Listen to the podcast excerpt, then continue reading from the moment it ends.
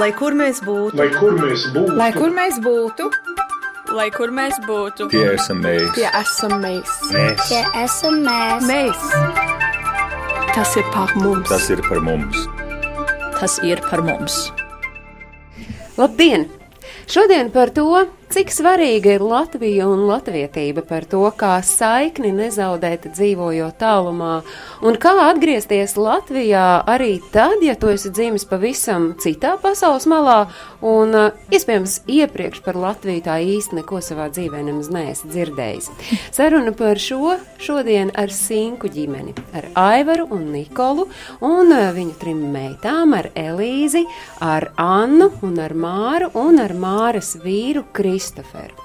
Sarunu jūs varat skatīties Latvijas Radio 1 mājaslapā un arī Latvijas Radio 1 Facebook profilā, bet klausieties to Latvijas Radio 1 viļņos, jo mēs šeit ar raidījumu Globālais Latvijas 21. gadsimts eh, viesiem ar Sinku ģimeni esam kopā sanākuši Latvijas Radio 1 Doma laukumā 8 multimēdiju studijā.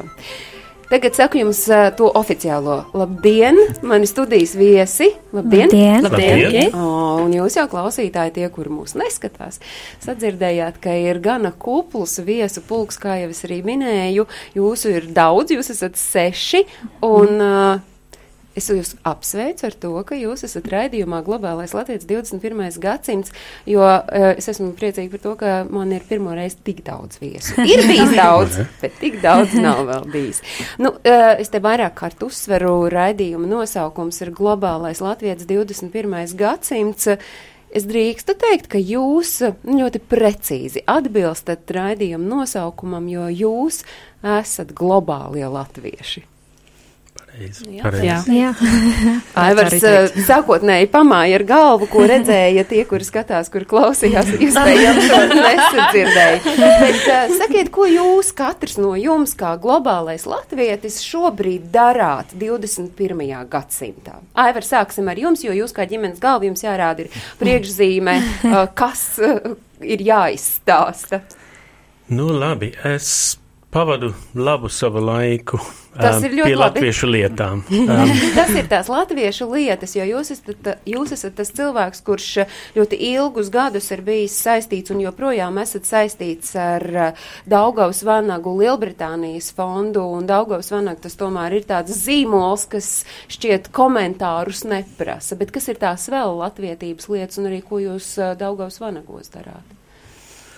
Nu, Daugas vanagos es skaitos kā priekšsēdis vai vadītājs. Tur ir sama liela, liela uzņemšanās, tur ir. Mēs saimniekojam trīs īpašumus, un, protams, ir sabiedriskais darbs, ir 800 biedri un zināma atbildība par latviešu sabiedrību Lielbra Lielbritānijā tā vai tā. Tā ir tas procesam ar lie lielas pūles un laiku, uh, bet starplaikā es, pro protams, arī strādāju algotu darbu. Um, ārpus to, nu, es mēģinu piedalīties kaut kādos kultūrālos sarīkojumos. Uh, Man agrāk jau bija daudz citas atbildības, pirms es uzņēmuši to Daugās vanagā amatu, ja, pie, pie Londonas Latviešu skolas, piemēram, es tur biju kā skolotājs un, un kā vadītājs vairākus gadus. Man ir tāda sajūta, klausoties, ka jūsos eh, nemitīgs nemiers ir, eh, ja mēs skatāmies uz eh, Latvijas pusi, ja jāskatās uz jums kā uz Latviju, tad jūs tāds riktīgs, manai vecmāmiņai bija teiciens nemiera mantelis. Varētu teikt, jā, es, es esmu nemierīgs. Man, man uh, sirds un arī es pats fiziski. Es kādreiz esmu Latvijā un kādreiz esmu Anglijā. Šobrīd Man- jūs fiziski esat Latvijā, tas ir saistīts ar lieldienām, tā varētu jau kļūt par jūsu ģimenes, nu, tādu tradīciju, ka lieldienas jums ir šeit Latvijā. Nu, mēs vairāk kā esam bijuši Lieldienās Latvijā, bet nu, mēs tagad esam nopirkuši mājas Latvijā. Tātad eventuāli mēs katru Lieldienas laiku būsim Latvijā vai varbūt Lieldienas izvēlēsimies, lai ceļot kaut kur citur. vai ne? Jūsu sieva Nikola ir arī globāla latviete, tā mēs varam teikt. Nikola, jūs uh, sajūtat kaut kādu daļu Latvijas? Es esmu anglietē, bet, bet, bet arī, jā.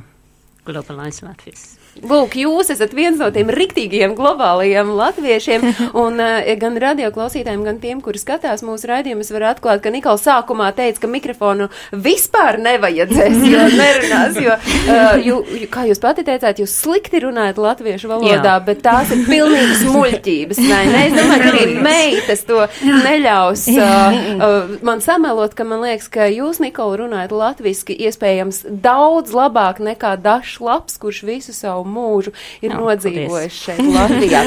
Kā jūs satikāties ar Nikolai? Mēs, es studēju Nottinghamā, tā ir vidus Anglijas pilsēta. Tur um, man viens gads bija jāstrādā vietējā pašvaldībā. Un, kad es biju to gadu nostrādājis, tad tieši atvadu sarīkojumā, ka mums bija tāda maza ballīte darba vietā, tad pieaicināja vēl kādus uh, jaunas sievietes piedalīties. Un, un tieši tajā atvada ballē es uh, pirmoreiz satiku Nikolu. Savukārt Nikolu ar Latviju kādu un kā jūs iepazīstinājāt pirmo reizi? Nu, nabaga Nikolai bija jāiztur ļoti daudz pārbaudību sakarā ar manu latvietību.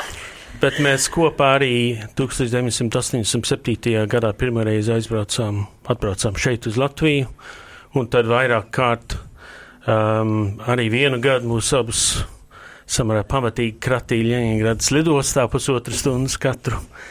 Um, tādēļ, jā, Nikolai bija daudzies tieši dēļ Latvijas. Bet kāpēc jums vajadzēja braukt uh, uz Latviju? Tāds ah, mazliet provokatīvs. Nu, tā ir senču zeme es pats esmu latvietis vai ne, tas ir jāsaprot, teiksim, trimdas jēga bija, ka atgriezīsies. Jā. Jā. Un tas ir arī piepildījies. Nosacīt, šobrīd jūs, nu, neesat varbūt par visiem simt procentiem atgriezies, bet, uh, principā, jūs esat atgriezies. Elīze, jūs, uh, globāla latviete 21. gadsimtā, kāda mm. ir tā jūsu saikne ar Latviju? Nu, es mēģinu uh, turēt uz manu latvietību tā kā uh, Uh, es esmu dejojis ar, uh, ar uh, deju skopu Birmingamā, tā, tā sauc sakta. Um, es mēģinu dziedāt latviešu uh, tautas dziesmas, es arī um, slidošu uz uh, Toronto šo gadu uz dziesmas, es tur dziedājusi. Un, um, jā, un es arī um, drīz šeit dzīvosi un strādās Latvijā. Jūsu tas, ko jūs esat izstudējusi, ir datorspēļu dizains. Jā, jā. 21. gadsimta kīts, es gribētu teikt. Tā ir. Un ko jūs darīsiet Latvijā? Es, tās, es strādāšu kā vien um, datorspēles dizainere um, ar um, virtuālajā realitāte. Um, spēles. Un, um, jā, es šeit, es šeit dzīvoju Rīgā un strādāju Rīgā. Kā to, kā dizainere. Super! Gaidām? Kad uh, pirmā darba diena? Oh, es vēl nezinu tā, tā diena, bet uh, maijā varbūt būs. Bet būs Cerams. vienīgais uz tiem Kanādas dziesmu un dēļu svētkiem jāņem pārtraukums. Nu jā. jā jāpabrīd. Par to runāsim. Anna. Sveiki. Uh, Latvija latviete un saikne ar Latviju. Tik cik braukt tikai ciemos, vai ir arī kaut kāds nu, tāds nopietnāk vērsts skats, jo jūs, es saprotu, šobrīd dzīvojat Bristolē un esat kvalificējusies kā advokāte. Jā, es gandrīz esmu kvalificējies kā advokāte, man septembrī sāks jaunu darbu kā, kā kārtīga advokāte. Es uh, esmu dzīvojis Bristolē gandrīz trīs gadus, un ir latviešu um, ir, ir latvieši Bristolē vispār. Viņi um, šis tas dara, un es gribu saistīt vairāk, bet pašlaik man darba prasa samērā daudz laiku. Bet es arī agrāk gadu dzīvoju Latvijā, un, un tas man salaboja nedaudz savu latviešu valodu. Uh, tas palīdzēja ļoti. Es, uh, es mēģinu tik, tik daudz, ka varu braukt apakaļ un saistīties ar, ar cilvēkiem, arī Latvijas latvieši, arī globālie latvieši. Es, es uh, ziemās šeit biju uz uh, divreiz divu nometni. Es, es uh, pa jauno gadu pavadīju ar, ar īsībā samērā daudz rī, rīdzinieku un Latvijas latviešu, un arī ar dažiem no ārzemēs. Uh, es no galvas mēģinu domāt viņu bija meita no Kanādas, meit, vairāki no Anglijas, meita no Luksemburgas. Mēs bijām uh, laba klubiņa, mēs tur bijām. Par divreiz divu mēs arī šeit redzījumā esam Mhm. runājuši, un uh, droši vien, ka skats ir arī lielai daļai ārlatviešu jauniešu uz divreiz divu, kas vasarā notiks gan Kanādā, gan arī uh, Latvijā. Jā, es arī gribētu braukt ciemos. Ja, ja varētu, es braucu uz abiem, uz Kanādu, gan uz, gan uz Latvijas. Šo, šo vasaru man liekas, man nesanāks ar, ar darbu un visu, un visu to, kas tā nāk līdz, bet, uh, bet jau vairāk uz, uz priekšu skatītos, es gribētu atkal apbraukt. Es zinu, ka Elīze arī bija pirms uh, trim, četriem gadiem, Jā, jā, divreiz jā, Latvijā. nomenē vasarā. Um, ka mēs pirmo reizi, kad divreiz divu pārvācos uz Latviju, mēs, mēs abi bijām tā pirmā vasarā. Mm -hmm. Un tas bija baigi forši mums ļoti patīk. Māra, Jā. jūs savukārt dzīvojat šobrīd šeit Latvijā, jūs uh, vienīgie, nu tā par simt procentiem pārstāvat ģimeni Jā, Latvijā. jā, es tagad uh, piecus ar pus gadus te esmu.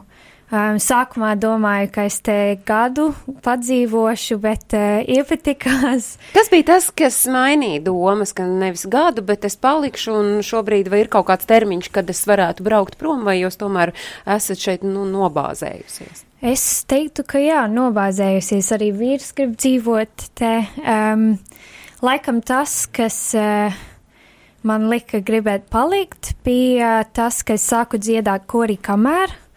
Um, tas bija varbūt vislielākais izaicinājums manā mūžā, bet uh, tur, tur es esmu ieguvusi ļoti daudz draugus. un Kāpēc izaicinājums dziedāt korī? Dziedāt, korī. korī kamēr, kamēr tas ir eh, tā, tā attieksme pret mūziku, korī kamēr ir, ir eh, nedaudz nopietnāka kā uh, citos koros. Um, Galvenais, lai citi kori neapvainojas šajā brīdī. Jo tas bija runā, vai ne? Jā, nu, piemēram, es, es tagad salīdzinu ar savu kori Anglijā, kur uh, vairāk bija par uh, pēcmēģinājumiem, tad tā draudzēšana, bet kamērā bija tiešām, nu, tu, tur, tur ir forši, man tur ir draugi, bet tu strādā. Un, Tad um, viens iepazīšanās stāsts jau mums bija, un tagad mēs ķeramies klāt nākamajam iepazīšanās stāstam, vai es drīkstu teikt, ka Māra un Kristofers jūs esat sadziedājušies? jā, Tas ir visprecīgākais. Latviešiem Jā. vienkārši, Kristofer, latviešiem ir tāds teiciens, ka sadziedas cilvēki. Kristofers ir uh, dzimis Amerikā, un šobrīd es saku, jūs arī esat kārtīgs latvietis. Nu, es to nekad nepateiktu, jo man nav, nav tādas latviešu asinis, un uh, man šķiet, ka nu, man nav tādas tiesības to pateikt. Bet, uh, man ļoti patīk, man es mīlu dzīvot šeit, un es mīlu nu, strādāt un uh, dziedāt šeit. Bet no nu, Latvijas es noteikti neesmu līdz to brīdi, Jūs kad esat, viņi man dos pasī. Jūs esat pilsonis, bet vai, Aivar, jums kā tādam krietnam latvietim, kurš ir izbaudījis to, kā ir būt latvietim, nedzīvojot Latvijā, asinīs ir tā sāls? Nu, lai es varētu teikt, ka es esmu latvieti, man ir jābūt ar pilsonību, tiešām? Nē, nemaz. Lūk. es, es teikšu skaidri, es pazīstu uh, cilvēkus Anglijā, kas ļoti maz prot latviski runāt, bet viņi sevi uzskata tomēr par latviešiem, un es viņus uzskatu par latviešiem. Kristofers brīnišķīgi runā latviešu, bet, nu, protams, ne jau tajā ir tas noslēpums. Kas jums ir katram Latvija?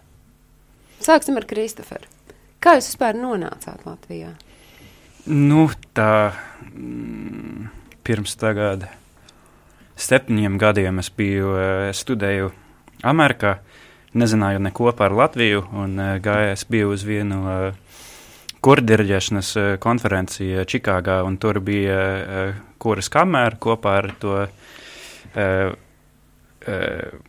Dirģentu Mā, Māris Māris Irm- Irmo, Jā, un to dziedātāju arī Māru? Vai Nē, Māra vēl toreiz nē, vēl nebija? vēl Labi. nē. Bet, eh, nu jā, klausies uz to koncertu un eh, eh, nu, notiek tāda, tāds sprādziens manā galvā, ka nu, es ne, nezināju, ka ko, kuri varētu dziedāt tādā veidā. Un, nu, tad es sāku vairāk izpētīt, kas tas ir par Latviju, par latviešu mūziku un tā. Un tad pēc tam uh, braucu uz Latviju uz kādam trim nedēļām, un uh, es uh, apmeklēju mēģinājumiem un koncertiem ar valsts kori un jauniešu kori kamēru un Latvijas radio kori un runāju ar diriģentiem un komponistiem un tad ar vien vairāk patika Latvija un tad satiku Māru pēc vēl diviem gadiem un tad pabeidzu maģistra grādu Čikāgā, saprātu, ka tur nav nekas īpaši interesants Amerikā un ir jābrauc dzīvot Latvijā. Un šobrīd e, jūs esat kora diriģents, Rīgas projektu koris ir tas mhm. jūsu auklējamais un e, pats dziedat gan Rīgas vokālajā kvartetā, gan valsts akademiskajā korī Latvijā. Pareizi? Pareizi, jā. Viss ir precīzi. Uh, Kā jūs nonācāt pie tā, ka jums ir jārunā latviešu valodā? Jo jūs droši vien varētu arī iztikt šeit Latvijā dzīvojot, nerunājot latviešu. nu, darba simt procenti, nē. uh, nu, tā, uh, nu, es uh, studēju latviešu valodā Amerikā 12. gadā uh, Pitsburgā kāda intensīva kursā. Un, uh, Tas bija tad, kad jūs jau zinājāt, ka jūs brauksiet šeit dzīvot, ja? Nē, Vai... nē, nē, nu vispār nu, man bija tāda interese, un es dabūju kādu nu, stipendiju no universitātes, lai to studētu. Un, uh, bet tā bija tāda, nu, trīs gadus, kā, kurās nerunāju gandrīz nevienu vārdu latviešu, jo man, man nebija ar ko runāt. uh, bet, uh, Redz, kā viss dzīvē tik ļoti vienkārši atrisinās.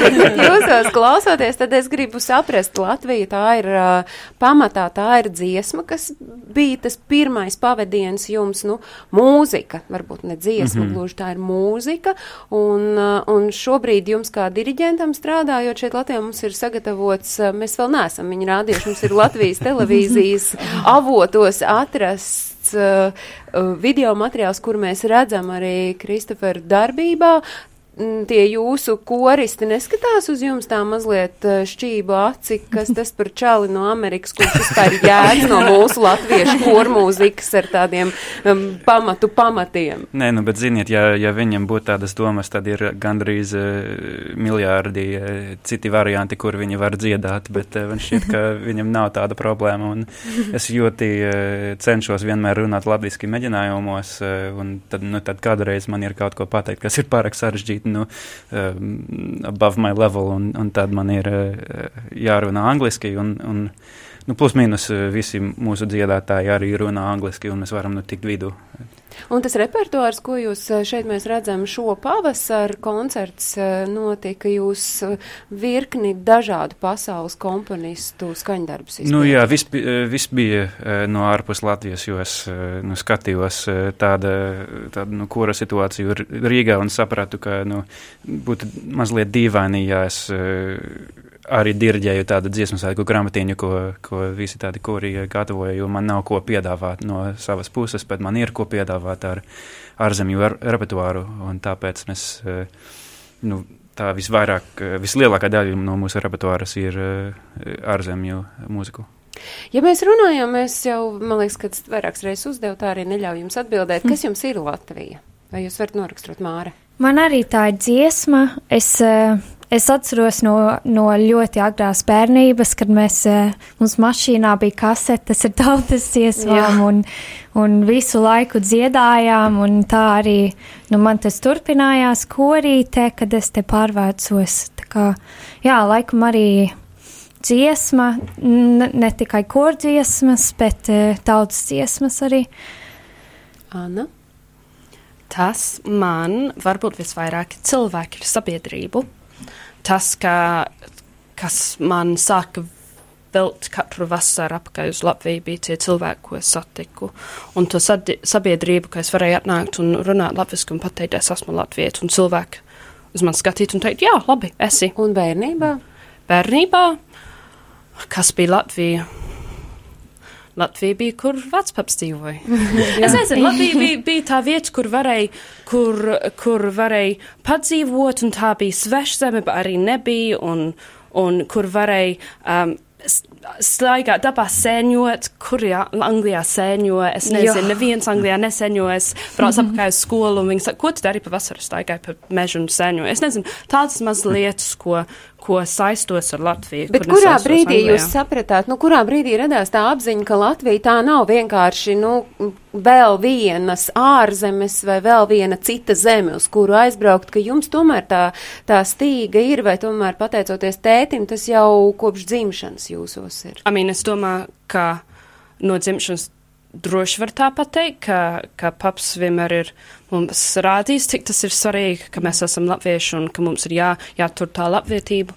Bet arī tā momenta, kad sapratu, ka tas, ko mēs darām, citi nedara, citiem nav tā otra valsti, citiem nav tā otra uh, vieta, ku, uz kur mums ir. Uh, ko mums velc atpakaļ vienmēr, un cik mums tas ir svarīgi, un cik mums tā valoda ir svarīga, ka nav vienkārši kā skolā māca franču valoda, nav tā paša lieta. Tā momenta, kad mēs bijām bērnībā un saprotam, ka tas ir kaut kas, kas mums velc atpakaļ, un kaut kas, kas mums pieder, un mēs pieder viņiem.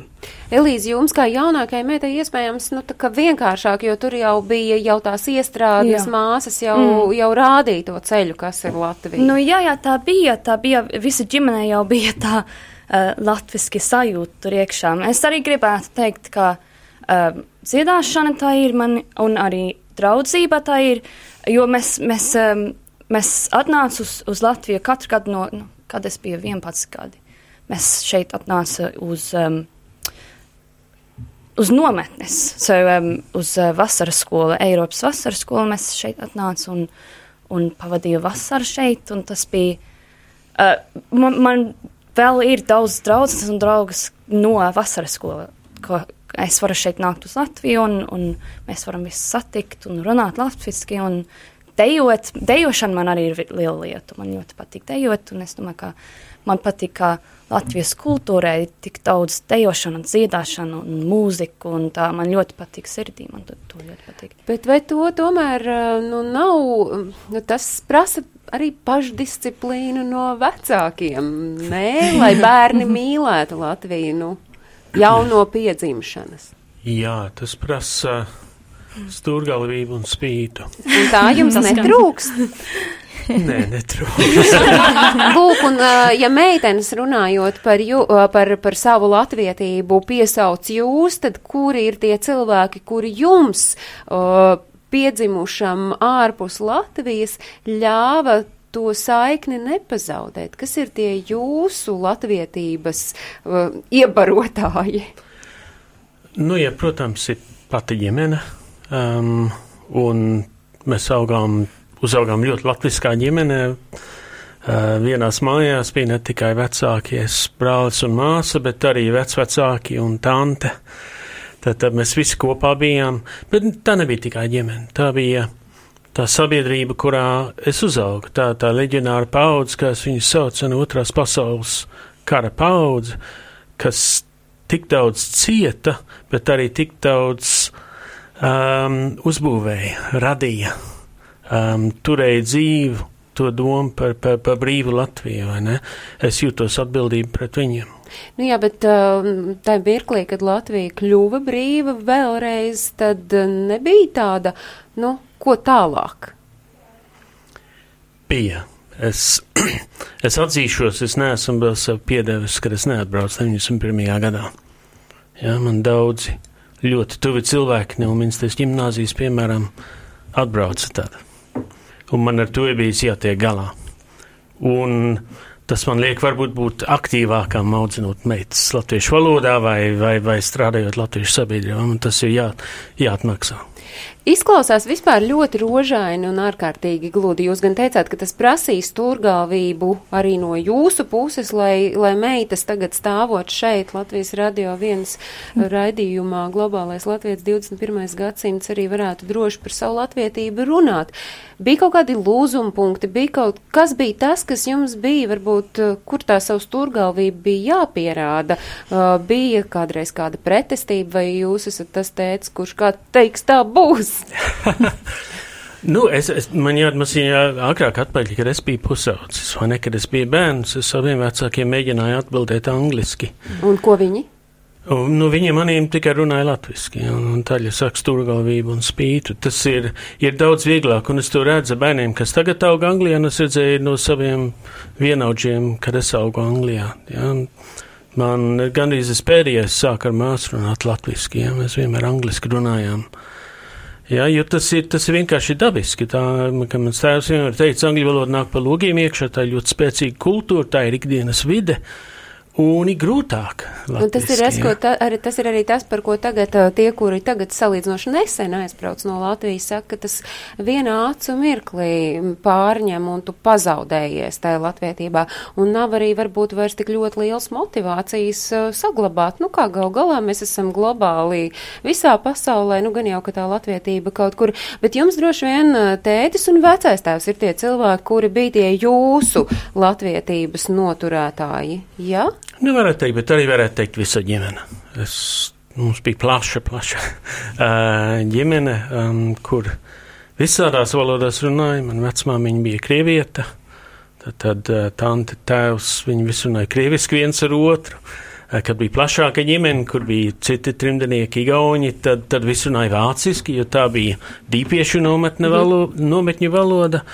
Uh, bet ar laiku lēnām viss pagāja tā vācu valoda sāk rimties, un vairāk dzirdējām angļu valodu, ka visa ģimene sanāca kopā. Um, bet ir tas, ka tu, ka tu kļūst pa pusaudzis, ka tev ir kaut 15, 16 gadi, tad ir tāds lūzuma punkts, tā, tā ir identitātes krīze, un tu domā, kas tu esi. Ja, un, un tajā momentā daudz izvēlējās ne jau tikai es, ka jā, es esmu latviečs un tāds es būšu.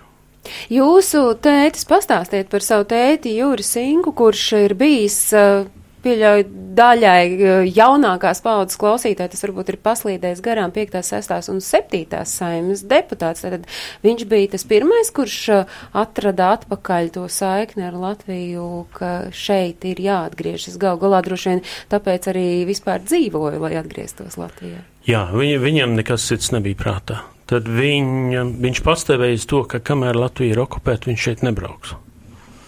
Jā, tajā momentā, kad Latvija bija atkal neatkarīga, brīva, tad viņš atbrauc šeit ceļojumā, un es domāju, varēja būt pat tajā pašā ceļojumā. Viņš tad bija avīzes, uh, avīzes redaktors, ja viņ, viņš bija kaut cik pazīstams Latvijā, tad viņu uzaicināja kļūt par uh, kandidātu saimai.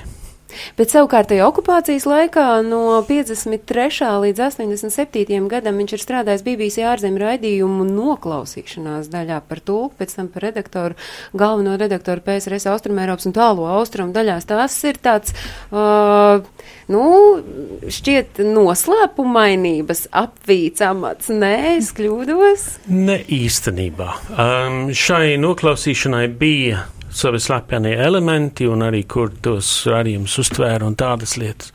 Bet principā BBC strādāja tā kā ziņa aģentūra. Tā uzklausīja ziņas no visas pasaules, pārtulkoja simultāni un tad izdeva, lai citi ziņu rādītāji vai, vai, vai avīzes vai tā varētu tos izmantot.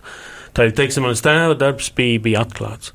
Bet tur bija tāda ļoti interesanta sabiedrība. Tur bija viena vien bildīte, uz īsu laiku parādījās, tur bija viens, viens Latvijas, viens puslatvijas, pusigauns un viens lietuvietis. Viņi bija seni draugi un kolēģi. Tur bija visi. Tur, tur bija ukrāņi, tur bija poļi. Tā bija tāda īsta raita trimdnieku sabiedrība, varētu teikt.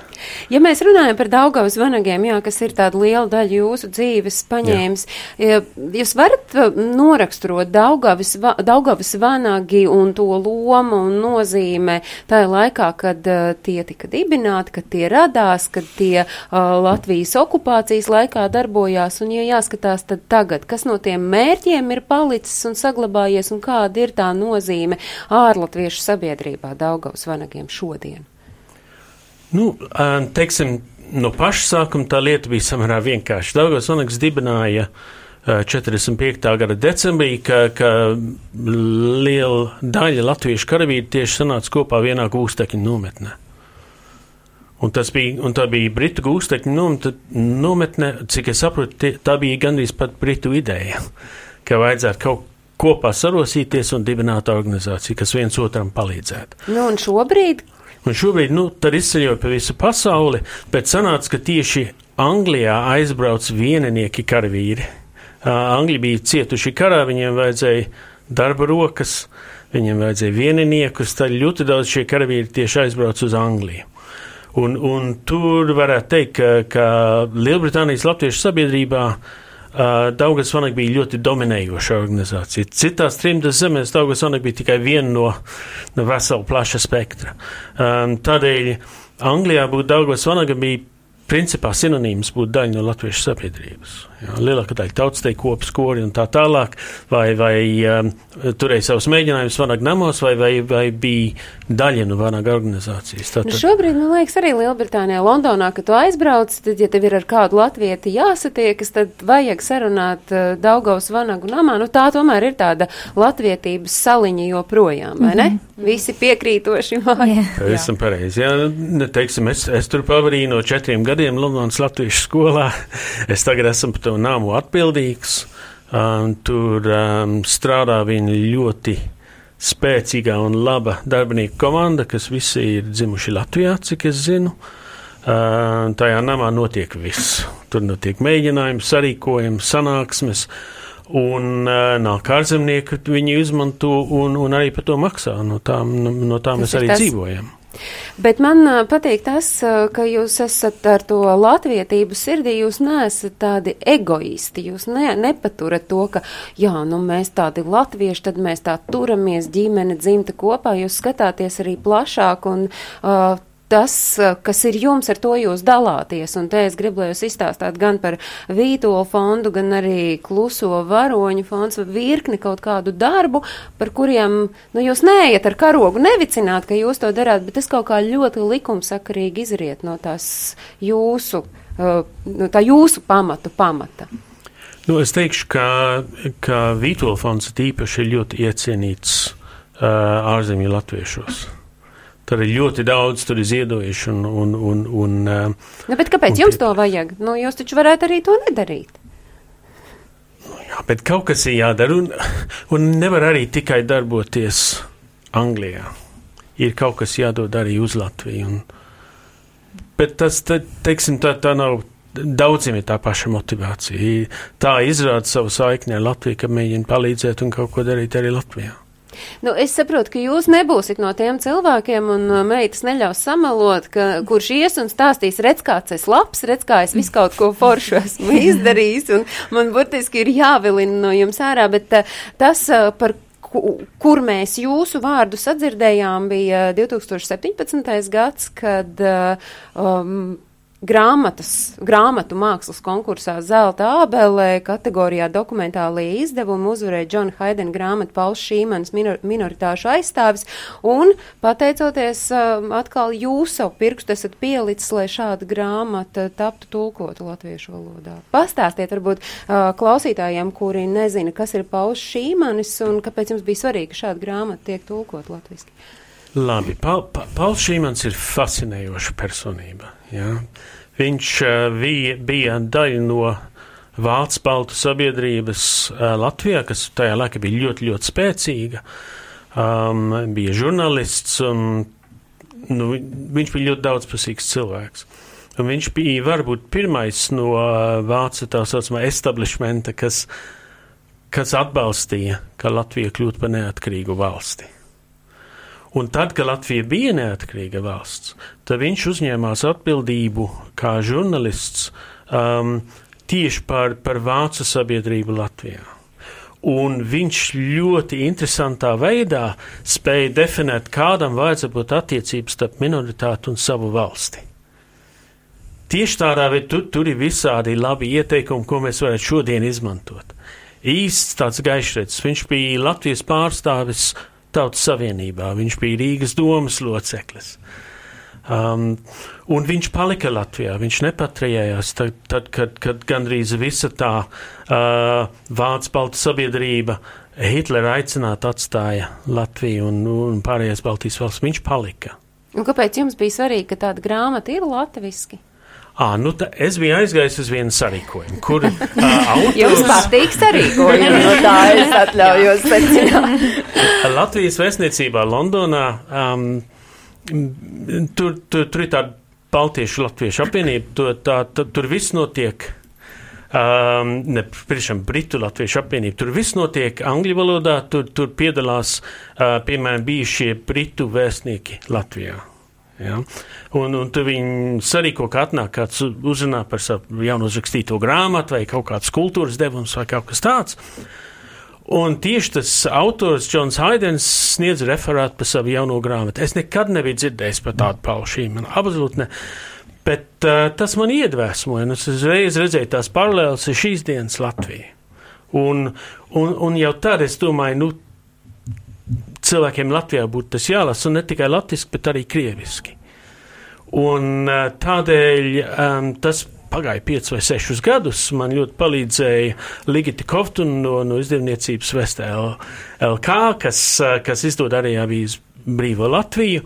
Un tad kopā savilkām tādu grupu cilvēku, kas, kas gribēja šo grāmatu izdot, pārtulkot un, un izdot divās valodās. Un, nu, paldies par to, ka jums, jūs toreiz aizgājāt uz to saviesīgo nu, pasākumu. Ne. Bet, ja mēs par saviesīgiem pasākumiem runājam, tad Lieldienas nemēdz saukt par tādu milzīgu saviesīgu pasākumu, bet, ja mēs skatāmies Lieldienas, jums šeit Latvijā ir ir kādas tradīcijas iestrādātas. Es zinu, ka Aivars cep uh, pīrāgus, vai jā. lieldienās Aivars ceps pīrāgus. Es ceru, jā. jā Mēs arī, protams, krāsojam olas. Mm -hmm. jā. Um, mēs vienmēr sitam, cepam, jā.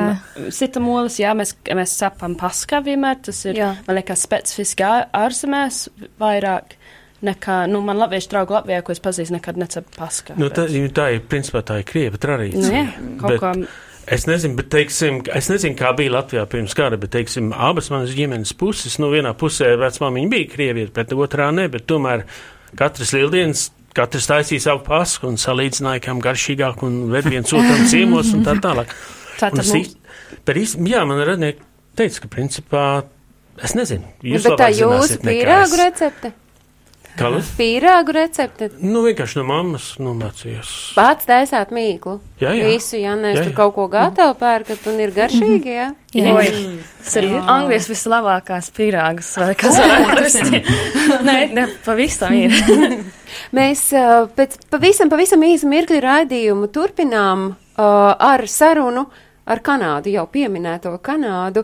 Uh, Par tālivaldi ķeniņu profesors Jāzeps Vītols savulaik ir teicis lūk šādi. Putra, putra, kad noklausījies to laika jaunā mūziķa pavirši nospēlētās paša kompozīcijas, un Jāzeps Vītols ir teicis, es viņu savā klasē uzņemt nevaru, nu, bet ja profesors Ādolfs Ābela apņemas, tad es nepretošos. Un diez vai tajā mirklī, kad Jāzeps Vītols atteica tālivaldim ķeniņam, tad diez vai viņš nojaut, ka topošais komponists un pianists kļūs par noteikti starptautiski pazīstamu mūziķu ārpus Latvijas, tālivaldi ķeniņu, kuram pirmdien, 22. aprīlī, mēs svinējam svinēsim simto dzimšanas dienu, uh, kur un kā mēs svinēsim šo dzimšanas dienu. To es savukārt jautāju Latviešu dziesmu svētku biedrības Kanādā priekšsēdim tālvalda ķeniņa dēlam Jurim ķeniņam. Labrīt, Juri! Nu, labrīt! Skaists rīts šeit Kanādā! Ziniet, mums ir arī ārkārtīgi skaista pēcpusdiena šeit Latvijā. Nu, burvīgi. Bet uh, kā tad jūs gatavojaties tālvalda ķeniņu simtajā jubilejā godināt? Nu, protams, tas nav tikai viens koncerts vai, vai viens pasākums. Tas ir bijis uh, vairāk gadu process, un to tas jau atzīmēts uh, Latvijā. Vairākos koncertos es pats arī uzstājos koncertos, um, godinot tēvu, bet tieši ap, ap dzimšanas dienas um, brīdi uh, es zinu, ka Latvijā būs uh, Muzikas akadēmija rīko koncertu 23. aprīlī. Es zinu, ka Liepājā būs koncerts arī ap to datumu, un mēs paši Toronto 28. aprīlī rieko, rīkojam autoru koncertu ar vietējiem spēkiem.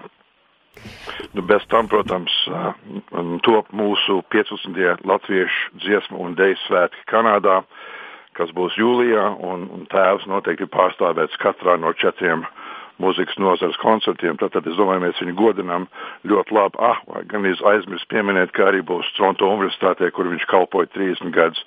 Tie arī rīkos pasākumus, bet tas vairāk uz rudens pusi. Starp citu, runājot par Kanādas dziesmu un dēļu svētkiem, mēs varam sūtīt jums sveicienus no lielākā da lielākās daļas sinku ģimenes, jo meitas Elīze, Anna, Mārta un Mārta, Mā, Māra, Māras vīrs Kristofers arī būs uh, dziesmu un dēļu svētku dalībnieki.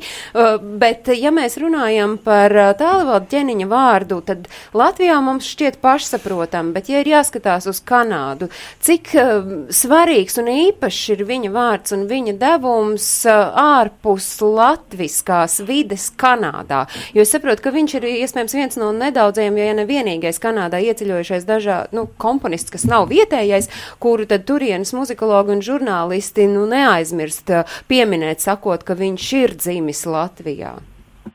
Nu jā, nu viņam um, bija liela loma uh, savā laikā, 50. gados Toronto Universitāte bija īstenībā vienīgā skola, kur īsti, kur īsti varēja labi mācīties muziku, kompozīciju teoriju un tā tālāk, ko viss tēvs pasniedz. Es teiktu, ka visi kanādas komponisti, um, kas mācījās kontrapunktu vai fūgu, tie mācījās no Tālivalda ķēniņa. Bet bez tam Kanādai vispār ir tāda kultūra, kas ir mantota, un pēc otrā pasaules kara ieceļoja no Austrum Eiropas uh, vairāki komponisti, un, kur sāk rakstīt un, un, un mācīt. Bet Kanādā viņa, viņa dairade, viņa uzskatīt, uh, nu, ir, ir atzīts, ka viņš varbūt esot Kanādas lielākais simfoniķis vispār.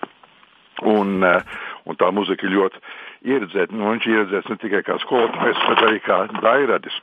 Un, um, uh, Gal, galā viņa, viņa daļradē ir uh, 8 simfonijas, 15 koncertu žanra darbi, tūpie 40 kameru mūzikas opus un, opus un tad desmitiem uh, darbu taustiņu instrumentiem, kora un solo dziesmas, kantātes. Uh, bet es saprotu, ka Kanādā bieži piemin arī jūsu vecvecākus, proti dzēnieku un politiķu Ati ķeniņu un arī vecmāmiņu rakstniece Anna Rūman ķeniņu. Arī viņu vārds uh, nu, nav kaut kur nolikts. Uh, vēstures arhīvos?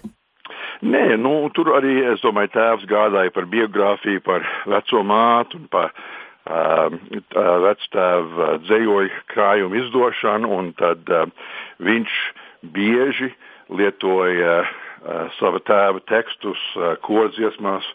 Nu, lūk, šajā koncertā, kas 28. aprīlī būs, um, viens kors dziedās uh, augstākā dzimtene, kas ir ar atķēniņu tekstu. Tātad mēs mēģinām to, to, tos vārdus arī turēt, jo tomēr atķēniņš stāvēja uz Nacionālā teātra skatuves 18. novembrī tajā gadā. Un uh, ir ļoti nozīmīga daļa no, no Latvijas vēstures, bet mēs turam to vārdu dzīvi šeit arī. Paldies jums liels, un uh, lai jums ir gan priecīgs lieldienas, gan izdevies koncerts. Mēs runājām ar Jūri Ķeniņu, komponistu Tālvalžu Ķeniņa dēlu un arī Latviešu dziesmu svētku biedrības Kanādā priekšsēdi. Šis ir tas mirklis, kad es uh, teikšu visiem, kuri šodien bija šeit kopā ar mums paldies, jo gan par tā, Tālvalžu Ķeniņa simtgads koncertiem, gan arī par visiem citiem notikumiem, kas ir svarīgi ārlatviešiem, uh, meklēt informāciju lielākajā diasporas kultūras un sabiedrisko notikumu portālā, portālā latviešu.com. Tur arī noteikti atradīsiet visu informāciju, kas ir saistīta ar lieldienu svinēšanu ārpus Latvijas. Es saku paldies šai brīdī Sinku ģimenei, saku paldies Aiveram, paldies Nikolai, paldies Elīzei, paldies, paldies Annai, paldies Mārai un paldies Kristoferam.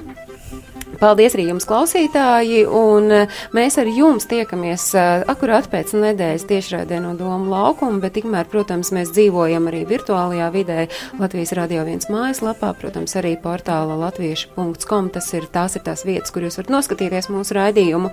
Ne tikai šo, bet arī visus, kas līdz šim ir izskanējuši, un raidījuma atkārtojums ir Latvijas Radio 1 viļņos svētdienās uzreiz pēc ziņām trijos. Paldies, ka jūs bijāt šodien kopā ar mums, Sinku ģimene, lai jums ir prieks priecīgas lieldienas un Paldies. lai visiem klausītājiem ir rāma atlikusī dienas daļa. Atā.